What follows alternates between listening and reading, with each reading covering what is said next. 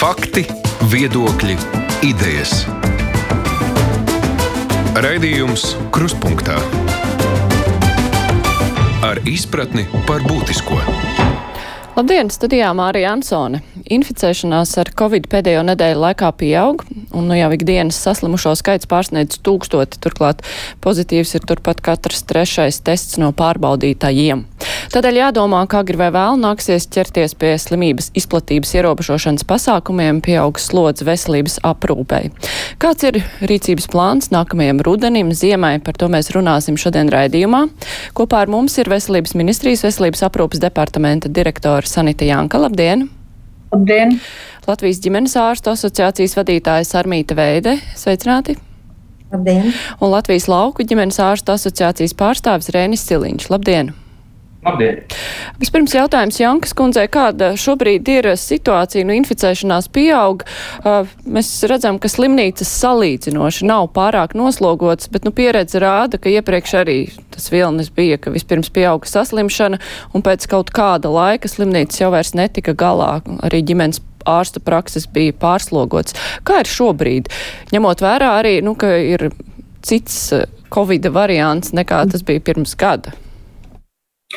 Uz doto brīdi katru dienu ir tiek konstatēti aptuveni 1000-1200 jaunu gadījumu, bet labā ziņa ir tā, ka uz doto brīdi šis Covid skaita inficēto pieaugums nerada pārslodzi veselības aprūpas sistēmai, kas būtībā ir viens no galvenajiem kritērijiem, lai pieņemtu tālākus lēmumus gan par ierobežojumiem, gan par pastiprinātu testēšanu un citiem pasākumiem. Un, šī gada 14. jūlijā valdībā tika apstiprināts veselības ministrijas sagatavotais Covid rudens stratēģija, kur bija aprakstīti šie te, iespējamie trīs scenāriji un iespējamās rīcības, un arī kas tad mums vēl ir jāizdara līdz rudenim, kas mums jau ir izdarīts. Un, būtībā arī ir aptuvenās aplēses katram šim scenārijam, cik mums būtu papildus nepieciešams finansējums. Bet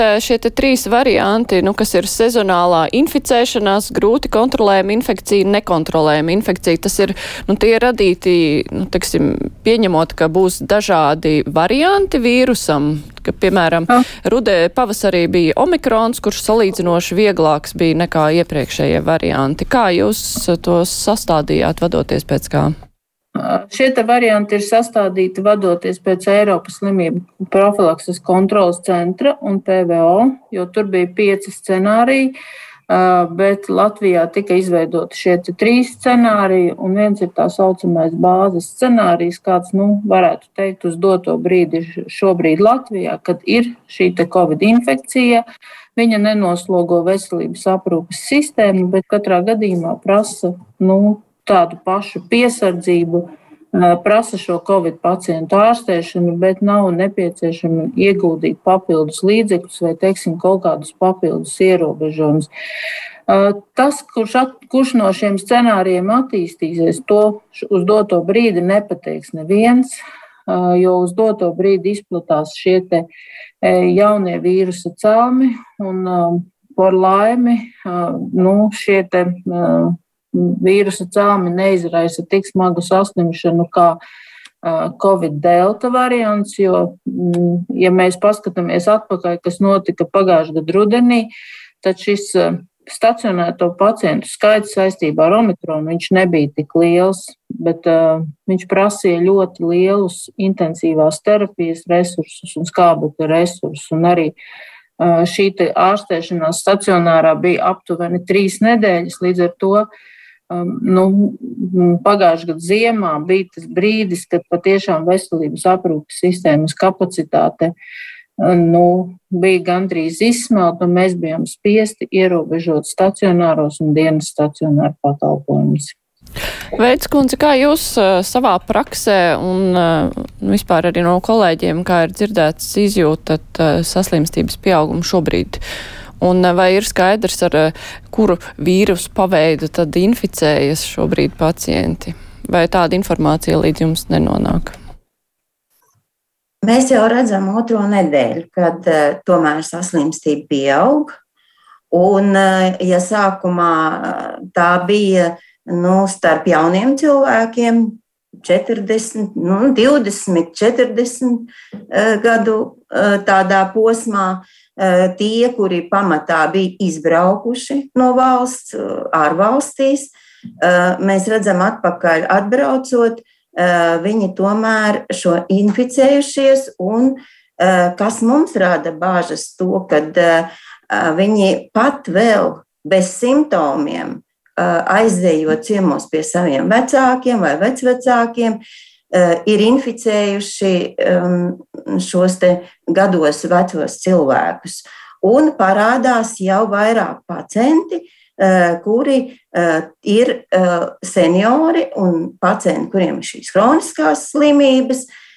Un ne, es neteiktu, ka viņi tā viegli pārslimo, jo uh, pirmkārt ilgāk ir laiks, kopš viņi atveseļojās, nav tā kā pie parastām iesnām, tur trīs, piecas dienas ir pat jauni cilvēki, uh, darba nespējīgi, pat līdz divām nedēļām, tas ir viens. Un savukārt, uh, runājot par senioriem, uh, Eh, mēs redzam, ka, eh, diemžēl, arī viņiem neiet tik viegli, un uh, ir gadījumi, kad jāsūta ir uz slimnīcu. Tie ir, nu, protams, nevar salīdzināt delta variantu, ir retāk, bet es skatos, tas ir tikai sākums. Mēs nezinām, kā tālāk attīstīsies šī infekcija mūsu sabiedrībā. Siliņkungs, kādi ir jūsu vērojumi? Nu, diezgan līdzīgi kā doktora Veita tikko aprakstīja, un e, šī noslodze, kas es gan gribētu teikt, pat pēdējo pusotru, divu mēnešu griezumā ar vienu pieaug, gan parādoties šiem jaunajiem covid pacientiem, kas nu, manā praksē vairāk izteikti ir jauni cilvēki, un pat es gribu atzīmēt, ka viņi inficējas tepat Latvijā jau. Un e, tā saslimšanas smagums varbūt ir nedaudz smagāk nekā pavasarī. Bet noteikti tā saslimšana ir daudzkārt vieglāka nekā šo delta variantu. Jā, šī slimība, nu, tā darba nespēja vidēji ilgs kaut kādas, varbūt pat 9, 10 dienas, diemžēl, un saglabājas liela temperatūra un, un slikta pašsajūta, kad uh, nākas, nākas viņas turēt uz šīm darba nespējas lapām. Bet izjūtam es izteikti šo Covid tādu asti, kas mums nāk līdzi, un, un, un darbu ar kroniskiem pacientiem, tas ir tas pieaug ar, man liekas, ka tu dari un, un trīs darbi nāk vietā. Tu, nav iespējams viņus padarīt. Tu tikai atliec un atliec. Un, uh, šis darbs, kas tika izdarīts ar šo trešo palīgu, ir neatsverams un uh, tas ļoti liels iegūms pacientiem par, par, gan par apziņošanu, jo parādās tik, tik vienkārši jautājumi jau no pacienta puses, kur man veikt testu, kad man veikt testu, vai man vispār veikt testu, kur es to varu izdarīt kur man piezvanīt, kad man vakcinēties, vai vakcinēties. Tie jautājumi ir tādi tā kā divi gadi atpakaļ, kad tas kā, visi mēs esam jau aizmirsuši par šo covid saslimšanu, un uh, nākas daudz darba ieguldīt tādā informācijas sniegšanā arī, kas patērē ļoti, ļoti daudz tāda laika resursu mūsu praksē. Jankas kundze, tas, kā situācija raksturoja ģimenes ārsti, nu šobrīd vismaz vedina domāt uz to, ka jā, stacionāriem varbūt noslodze nav tik liela, tajā pašā laikā tieši viss smagums šobrīd gulstas uz ģimenes ārstiem un iespējams, ka tas tā būs arī vēlāk. Um, šajos te plānos, kāda loma visā sistēmā ir ģimenes ārstiem un kāds atbalsts viņiem ir paredzēts, jo, nu, ja pagājušajā gadā jau ģimenes ārsti izjuta milzīgu noslodzi saistībā gan ar pacientiem, kuri saslimuši, gan arī visām blakus lietām, plus vēl ir arī, nu, citi pacienti. Kā jūs raksturotu ģimenes ārstu gan atbalstu, gan lomu? Nu, par, ja mēs runājam, es droši vien sākšu ar lomu, tad ģimenes ārsts ir noteikti tas ārsts, kurš ir nu, pirmais ārsts, pie kura pacients parasti vēršas.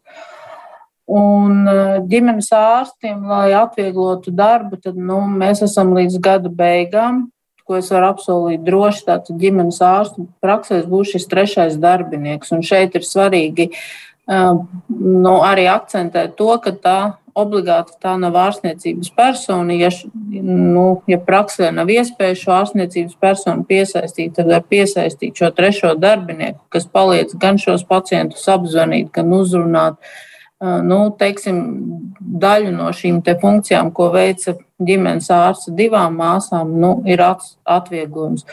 Otra lieta, kas ģimenes ārstiem mēs saprotam, cik viņi bija noslogoti šajos iepriekšējos periodos. Un um, arī šajā vasarā, kad ir nu, saslimšana nedaudz mazāka, tad ģimenes ārsti ir šis te.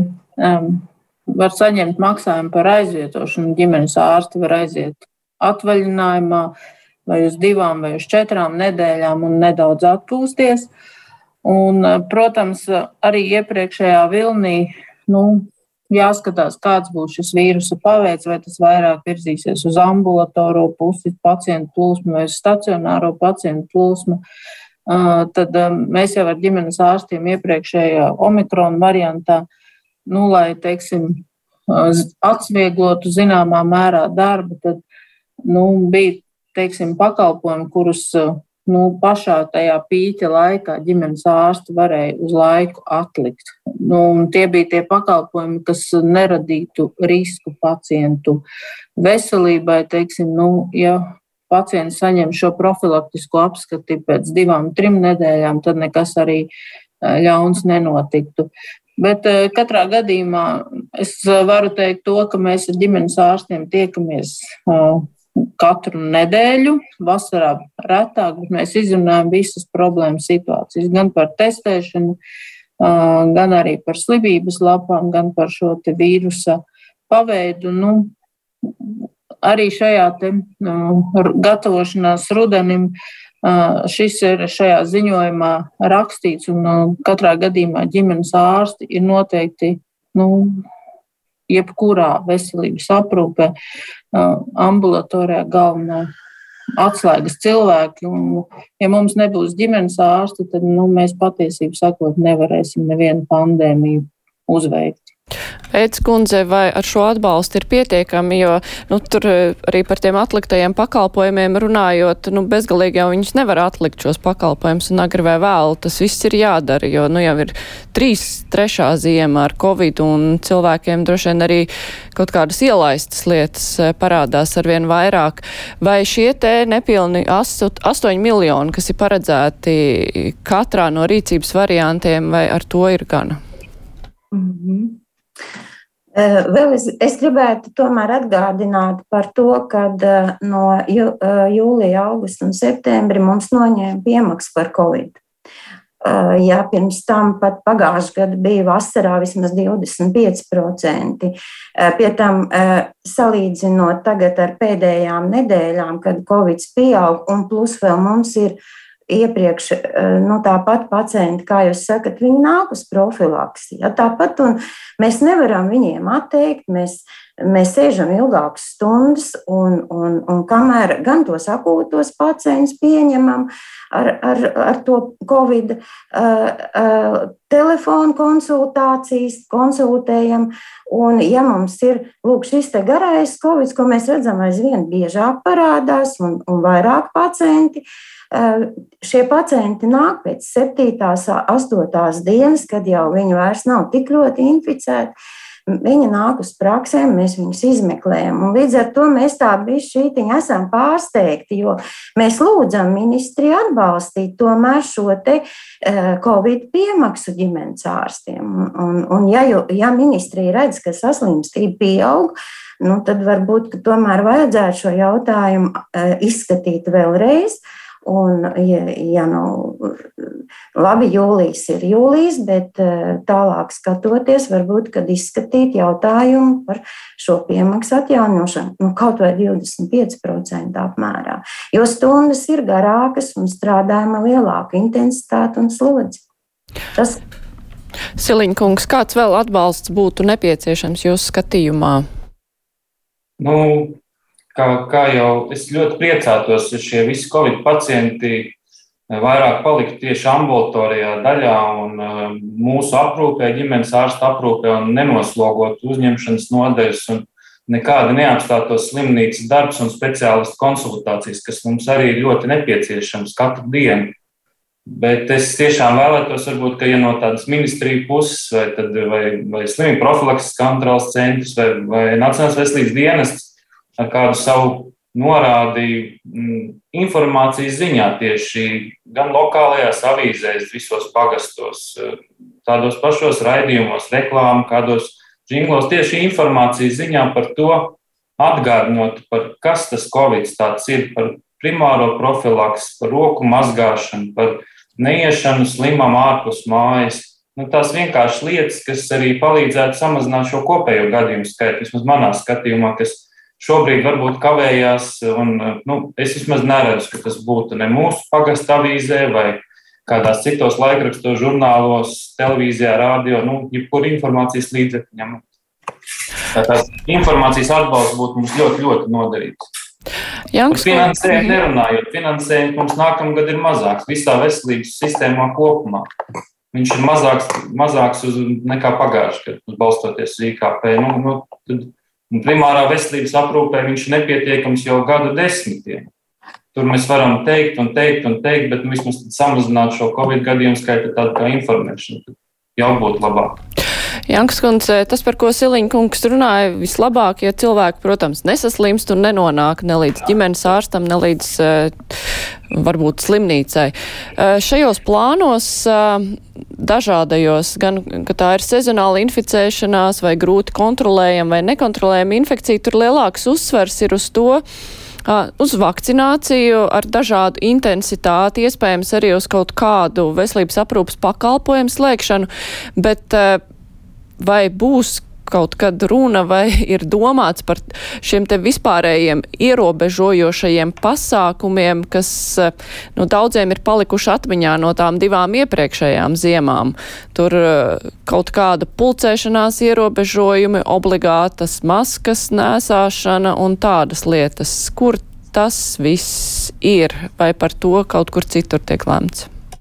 Um Par to ir uh, rakstīts arī šajā ziņojumā, bet es uh, vēlos nu, uzsvērt to, ka uz doto brīdi nu, neviens epidemiologs vai arī neviens speciālists nevar pateikt, kādi būs šie ierobežojumi. Tas ir atkarīgs no daudziem faktoriem. Viens no faktoriem ir, kāda ir veselības aprūpes sistēmas kapacitāte, īpaši slimnīcu un intensīvo terapiju Otrs ir, kādas ir šī vīrusa īpatnības, cik viņš ir infekcijos, cik viņš ir kontaktos, kāds ir šis reproduktivitātes koeficients. Nākošais ir, um, nu, kādus simptomus šis vīrus izraisa, um, kādu viņš prasa šo veselības aprūpes sistēmas resursu.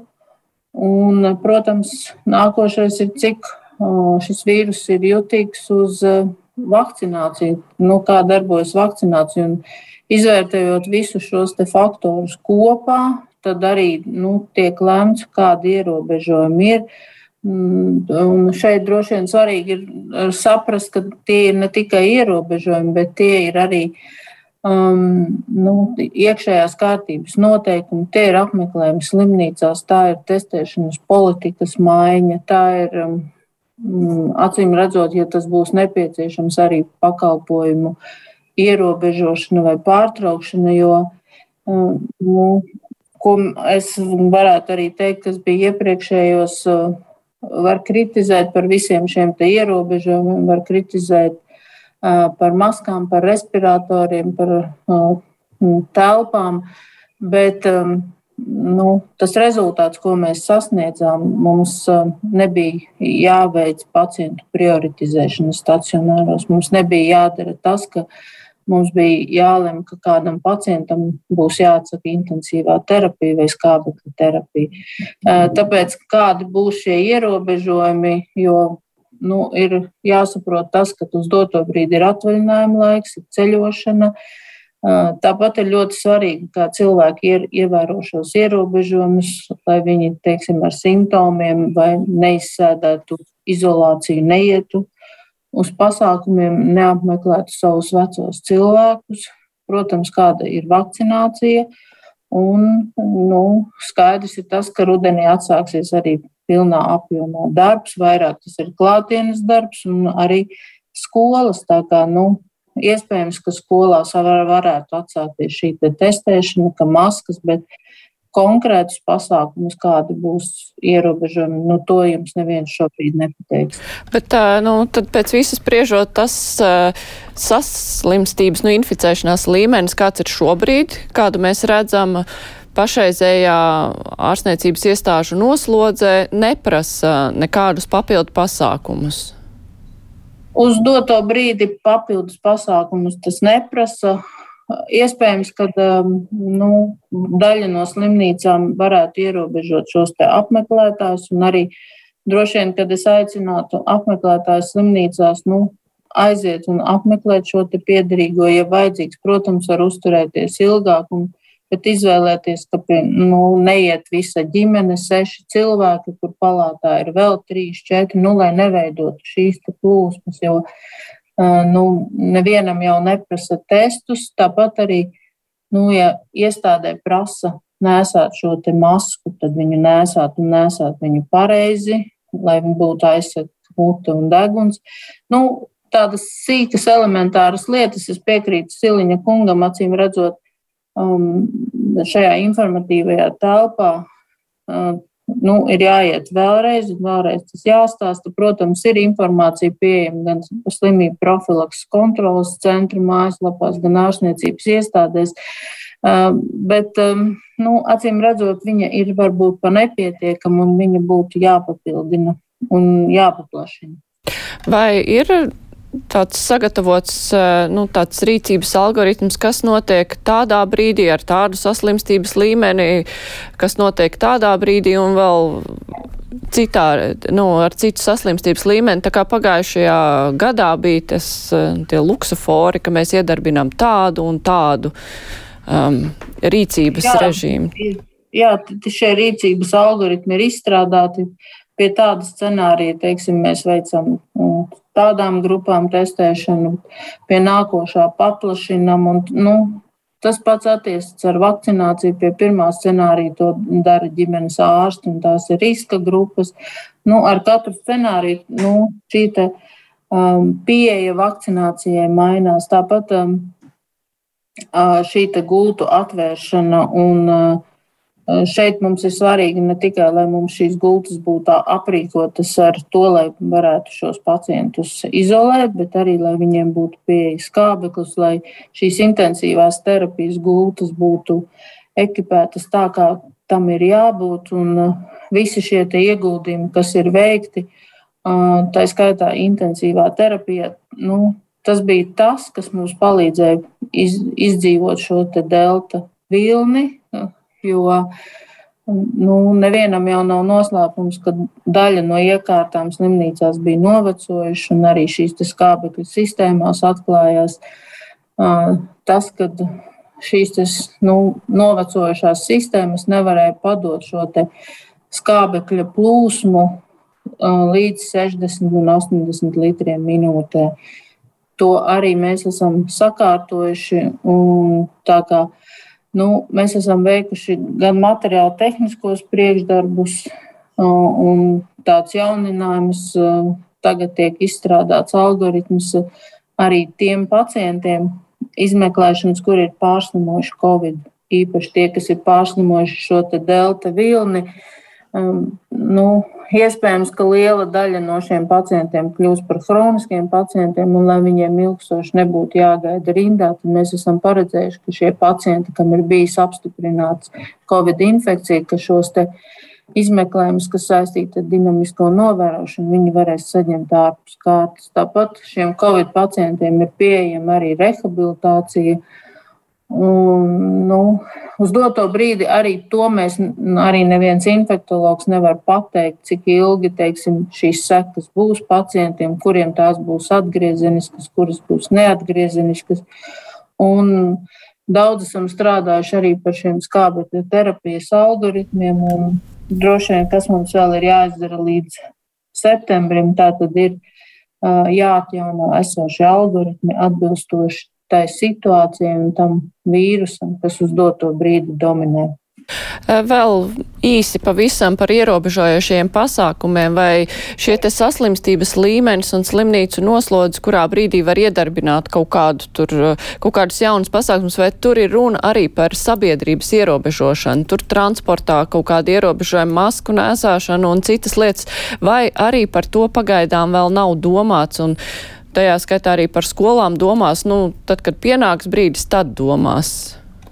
Par to ir domāts, bet uz doto brīdi, nu, teiksim, nevienā plānā nav pateikti konkrēti, kādi varētu būt šo ierobežojumi, kad pietiek ar maskām, kad vajag respiratorus, kad ir jāsāk ierobežot pakalpojumi un, vai mājasēdes. Bet katrā gadījumā, nu, ka šī iespējamība varētu pastāvēt, nu, to, protams, neviens nenoliedz un ir iespējami attīstības varianti, bet, teiksim, par konkrētiem um, pasākumiem katrā teiksim, scenārijā. Nu, tādi noteikti vēl nav.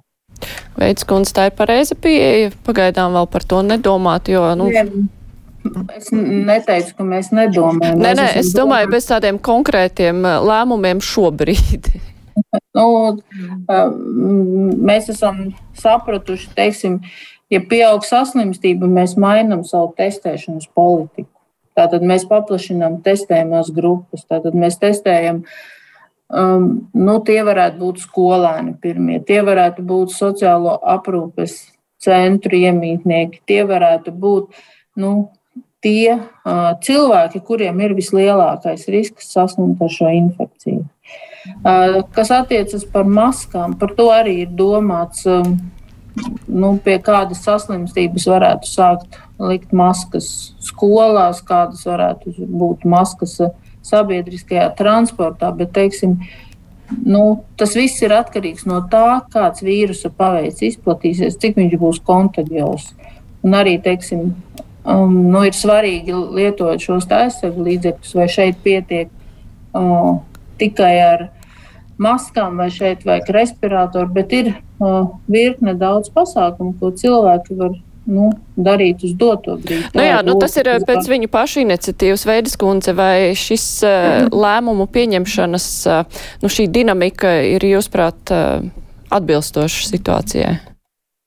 Jā, es, es domāju, ka es un arī sabiedrība vairāk gribētu redzēt konkrēti pie kādiem kritērijiem, kas mainās. Ja, ja piemēram, saslimstība, tur uh, kumulatīvais rādītājs palielinās pat tik un tik, ir, ir, ir virs 500 vai virs 1000, vai, vai ir kaut kādi ierobežojumi vai nav, lai sabiedrība varētu sagatavoties. Nu, piemēram, mums ir 1500, kumu, uh, ir saslimstība dienā, nu tad, eh, vai, vai noteiktu nedēļu laikā palielinās, tad ko mēs darām? Ja? Vai, vai eh, šobrīd mēs nezinām, nu, ja būs, ja pieaug saslimstība, tad mēs domāsim. Es domāju, ka tas ir sabiedrībai labāk būtu pieņemams, ja viņi redzētu konkrēti pie kādiem rādītājiem saslimstības, kādi uh, pasākumi tiek, eh, tiks eh, realizēti. Sieliņkungs, jūsuprāt, eh, pašreizējā pieeja, nu, kad pienāks laiks, tad arī tiks pieņemti konkrēti lēmumi, tā ir pareiza vai jā, jālemj uz priekšu? Nu, noteikti jālemj uz priekšu, jo mēs šobrīd darbojamies pēc vecajām norādēm, nu, nosacīti vecajām. Ja, tas ir nu, no, no pavasara, no, no aprīļa, maija šiem lēmumiem, mēs pēc viņiem darbojamies pēdējām norādēm vai viņas jau šobrīd, vai viņas vēl ir atbilstošas šai situācijai, vai viņas jau ir atbilstošas atkal šai pavasara situācijai. Mēs nedaudz jau katrs sākam interpretēt savā praksē, kā mēs uztveram šo covid un ko nu mēs katrā situācijā darīsim. Tādu jaunu, konkrētu lēmumu, tie būtu mums tiešām vieglāk plānot gan arī savu darbu, un, un, un pacientiem, ja sabiedrībai būtu vieglāk uh, saprast šo situāciju, kā nu, tādu kopumā un to bīstamību Vai attiecīgi arī varbūt ne par ko nav jāuztraucās. Dzīvojam mierīgi, ārstējam iesnas un ne par ko neuztraucamies. Nu, šāda pieeja nebūtu, manuprāt, pareizi. Tā kā šādi lēmumi viņiem būtu jābūt pieņemtiem. Viņiem jābūt pieņemtiem jau ne gluži vakar, bet šodien. Klausītāji interesējas arī par vakcināciju, par iespēju saņemt ceturto vakcīnu. Līdz šim ir nu, salīdzinoši ļoti maz cilvēku, kas to ir dabūjuši. Un Ir eh, runa par to, ka riska grupas varēs saņemt eh, nevis visi, kuri to vēlas, bet eh, kurā brīdī tad notiek šī tālākā vakcinācija. Plus vēl ir ļoti daudz cilvēku, kur vispār nav vakcinējušies. Um, Janks Kunds, kurā brīdī tad uh, tiks intensificēta šī vakcinācija? Šī vakcinācija tiks intensificēta visticamāk augusta beigas, septembra sākums, un principā pirmās būs šīs riska grupas. Tie ir pacienti, kuriem ir nopietna uh, hroniska saslimšana vai arī saņem terapiju, kuru dēļ, nu, teiksim, imūnā sistēma ir uh, traucēta. Un, um, Otra lieta, tie, protams, ir seniori virs 65 gadiem, un papildus es gribu teikt to, ka uh, Nacionālais veselības dienas strādā, lai izveidotu mm, tādu rīku, ka ģimenes ārstiem ir pieejami pacienti, kuriem ir kroniskas saslimšanas, un vienlaicīgi zināt, teiksim, nu, kāds ir vakcinācijas status šiem cilvēkiem, vai ir saņemta viena deva, divas vai uh, trešā deva saņemta. Uh, bet atgriežoties uh, pie šiem ierobežojumiem, es tomēr gribētu komentēt, ka Viens no rādītājiem noteikti nav tas, kuru dēļ mēs nu, pieņemam ierobežojumus lēmumus. Jo, ja mēs paskatāmies atpakaļ, tad kumulatīvais rādītājs pie omikrona bija daudz augstāks, un šie ierobežojumi nebija tik plaši.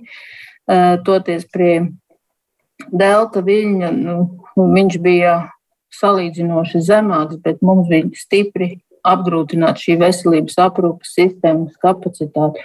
Un tāpēc šie te, uh, kritēriji ir jāskatās kopumā. Tas ir vīrusa daba, tā ir izplatība, uh, tas ir veselības aprūpes sistēmas kapacitāte, tie ir NMPD izsaukumi, tie ir slimnīcu um, stacionēto skaitu pieaugums. Un, uh, es gribu teikt, ka um, mūsu epidemiologi SPKC kopā ar Eiropas slimību profilakses centru ļoti cītīgi seko šiem rādītājiem katru dienu. Un katru dienu tiek arī domāts, vai vajag pieņemt šos ierobežojošos vai nevajag pieņemt. Un, um, nu, arī mm, epidemiologi pēta citu valstu pieredzi. Un, um, nu, šeit ir jāskatās visus kontekstā šeit nevar izvilkt vienu kritēriju un pēc tā mēs vadāmies. Mēs jau varam pateikt pie šāda kumulatīvā. Mēs ierobežojam pasākumus. Nu, tas nebūtu pareizi. Ir jāskatās kopumā. Bet šobrīd jau mēs varam skatīties kaut ko kopumā. Nu, mēs vīrusu dabu jau vērojam te kaut kādu laiku.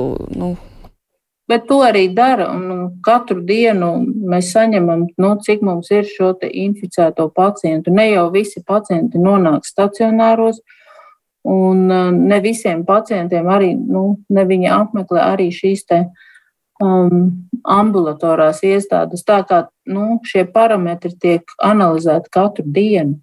Mūsu slimību profilakses centrs katru dienu skatās un arī mm, kopā ar pārējiem epidemiologiem un infektologiem spriež par šo te ierobežojumu pieņemšanu. Jo, nu, un tad šobrīd nav nepieciešams to izdarīt. Veids, kundze, es redzu, ka jūs gribat komentēt. Jā. Uh, Es tā kā piemēru tikai eh, runāju par šo kumulatīvo. Protams, ir vairāki kriteriji, ir saslimstība, ir mirstība, ir, ir, ir lūk, šis vīrusa izplatība. Eh, visi kopā ņemot, eh, protams, ka ne jau šis viens runa, runa tikai kā piemēru es minēju, bet mums jau nav redzams lūk tā aina, nu tad pie, pie nosauciet šos kritērijus un, un, un nosauciet konkrēti, kur tos cipars, pie kuriem tad mēs kaut ko darām. Ja? Lai ierobežotu tomēr šo saslimstību. Šobrīd nu, mēs skatiem, skatāmies, nu, kā būs, nu, tad redzēsim, nu, tad saprotat, tas rada arī tādu nedrošību ne tikai sabiedrībā, bet arī ārsti eh, tad ne, īsti nezina, kā rīkoties.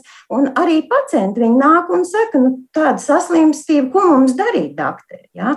Tā kā es domāju, ka ja tas būtu tomēr šis plāns eh, pie noteiktiem kritērijiem, noteiktiem kādiem cipariem, ja, tā tad mēs, piemēram, nu, tur atjaunojam transporta līdzekli ar, ar mastām, ja? ierobežojam kaut kādus veicam.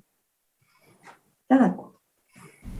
Jankas kungs nekomentēs. Uh, labi, par vakcināciju mums vēl ir 5 minūtes laika palikušas. Uh, uh, ņemot vērā, ka ir vēl pietiekami daudz cilvēku, kuri nav vispār vakcinējušies, vai ir paredzēts uh, kaut kā stimulēt uh, viņu vakcināciju, vai arī nu, tur ir atmests ar roku, un tagad mēs orientējamies tikai uz tiem, nu, kuri paši grib?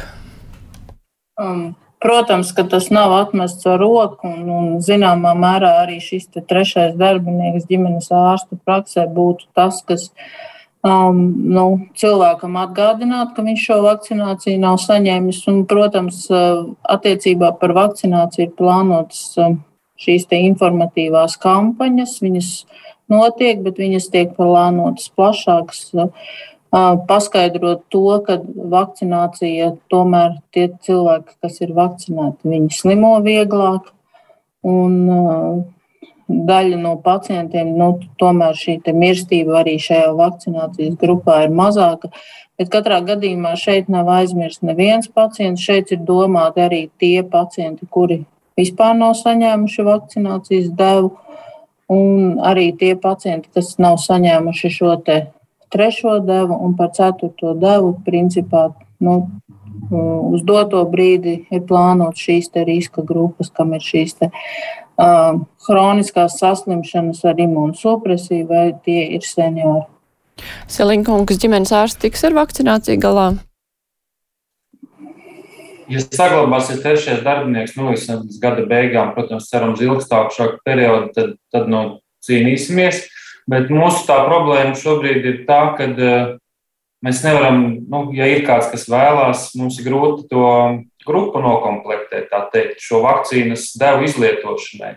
Un cik reizes jau man jau māja beigās bija, kad tā vakcinācijas aktīvais process gājas beigām, kad, kad ar vien vairāk eh, neizlietotas devas paliek un paliek, paliek un jānoraksta. Un eh, šobrīd arī man varbūt pat ir saraksts ar kādiem desmit cilvēkiem, kas vēlas jau šobrīd kādu jaunu vakcīnu saņemt, bet es zinu, ka, es, ka viņa daļa atkritīs, atkal kāds saslims, un es nespēju nodrošināt. Kā, eh, bet kopumā, ja šī ceturtā deva būs vairāk orientēta uz šiem kroniskiem pacientiem un imunsupresētiem pacientiem, es domāju, ka ģimenes ārsti tiks galā. Bet šo vakcinācijas punktu, kādu darbību arī būtu jāatstāj, vai vismaz Rīgā vai tās tuvumā, jo dažkārt eh, šie pacienti labprāt griežās arī šajos punktos un tieši tur arī izvakcinēs. Protams, pamatvakcināciju mēs veiksim un darām, bet nu, šis procentu palielināt varētu ar šo kādu punktu, kur šobrīd gandrīz ir visi aizslēgti. Tāda nav. Ir diezgan daudz cilvēku, kuri nav vakcinējušies līdz šim. Vai jūs redzat iespēju viņus kaut kā pārliecināt, ka tas ir jādara? Daļa, daļai noteikti, ka redzam. Jā, tas ļoti nu, retiem izņēmumiem izdodas, jo šī pilnīgi pārliecināto nu, antivakseru daļa ir, un ar viņiem tur ir cīņa ir smaga, bet bez rezultāta. Bet pamazām, pamazām izdodas pa kādam papildus pacientam šai vakcinācijai šo skaidrošo darbu beidzot piesaistīt. Tā kā lēnām, bet tas darbs iet uz priekšu. Tad, tad tā izglītošana pacientu vidū, šī informācijas telpas eh, pilnība vai tīrība, kā to nosaukt, ja tad pacienti lasa, uzzina jaunumus, redz to statistiku, ka vakcinācija ir šis efekts un, un, un, un nāk piesakās vakcinācija uz pirmo devu. Veids, kundze, nu, noslēdzot sarunu, nu, kā jūs redzat, kāds tad būs nākamais rudens, ziema? Vai nu, cik daudz būs atstāts uz katra cilvēka paša atbildību, jo mēs redzam, nu, ka sabiedrība jau arī nogurusi no visa un, kā jau te mēs dzirdējām, cilvēki paši ļoti daudz ko neievēro. Jā, nu, Es, eh, es gribētu teikt, ka eh, redzat, eh, sabiedrība tomēr lēnām, bet, bet iekustās, ja tā varētu teikt. Ja pagājušā nedēļa lūk, strauji paaugstinājās šī saslimstība, un mēs redzam, ka sabiedrība bija jau piemirsusi, tad šonadēļ jau mēs redzam, ka pacienti nāk un, un, un prasa, ko darīt ja, lai, lai izsargātos, lai, lai, tomēr, lai tomēr pasargātu sevi un, un, un, un savus tuviniekus. Tāpēc es domāju, ka par to visu laiku ir jāinformē, kā jau man kolēģis arī teica, noteikti sabiedrību, arī mēs ģimenes ārstu to darām savā praksē, to mēs darām individuāli. Tas noteikti ir, ir uh, tik, tik plašs nav šis, šis process, strādājam ar saviem pacientiem, bet uh, noteikti ministrijā, SPKC noteikti jārunā par to sabiedrībā un jāinformē un jāatgādina. Un uh, otrs, jo vairāk būs zinošāka par, par saslimstību, par plāniem uh, ministrijas, Eh, sabiedrība, jo viņa atvērtāka būs un labāk pieņems šos ierobežojumus, ja tie būs nepieciešami, un arī vakcinācija. Jā, nu, redzēsim, ko nesīs nākamais rudens ziemas. Atliek cerēt, ka nu, nebūs tik traki kā pagājušais. Nu, es domāju, ka visus to iekšēji arī cer. Es saku paldies no veselības ministras Sanita Janka bija kopā ar mums, Armīta Veida, Latvijas ģimenes ārstu asociācijas vadītāja un Reinis Siliņš, Latvijas lauku ģimenes ārstu asociācijas pārstāvis.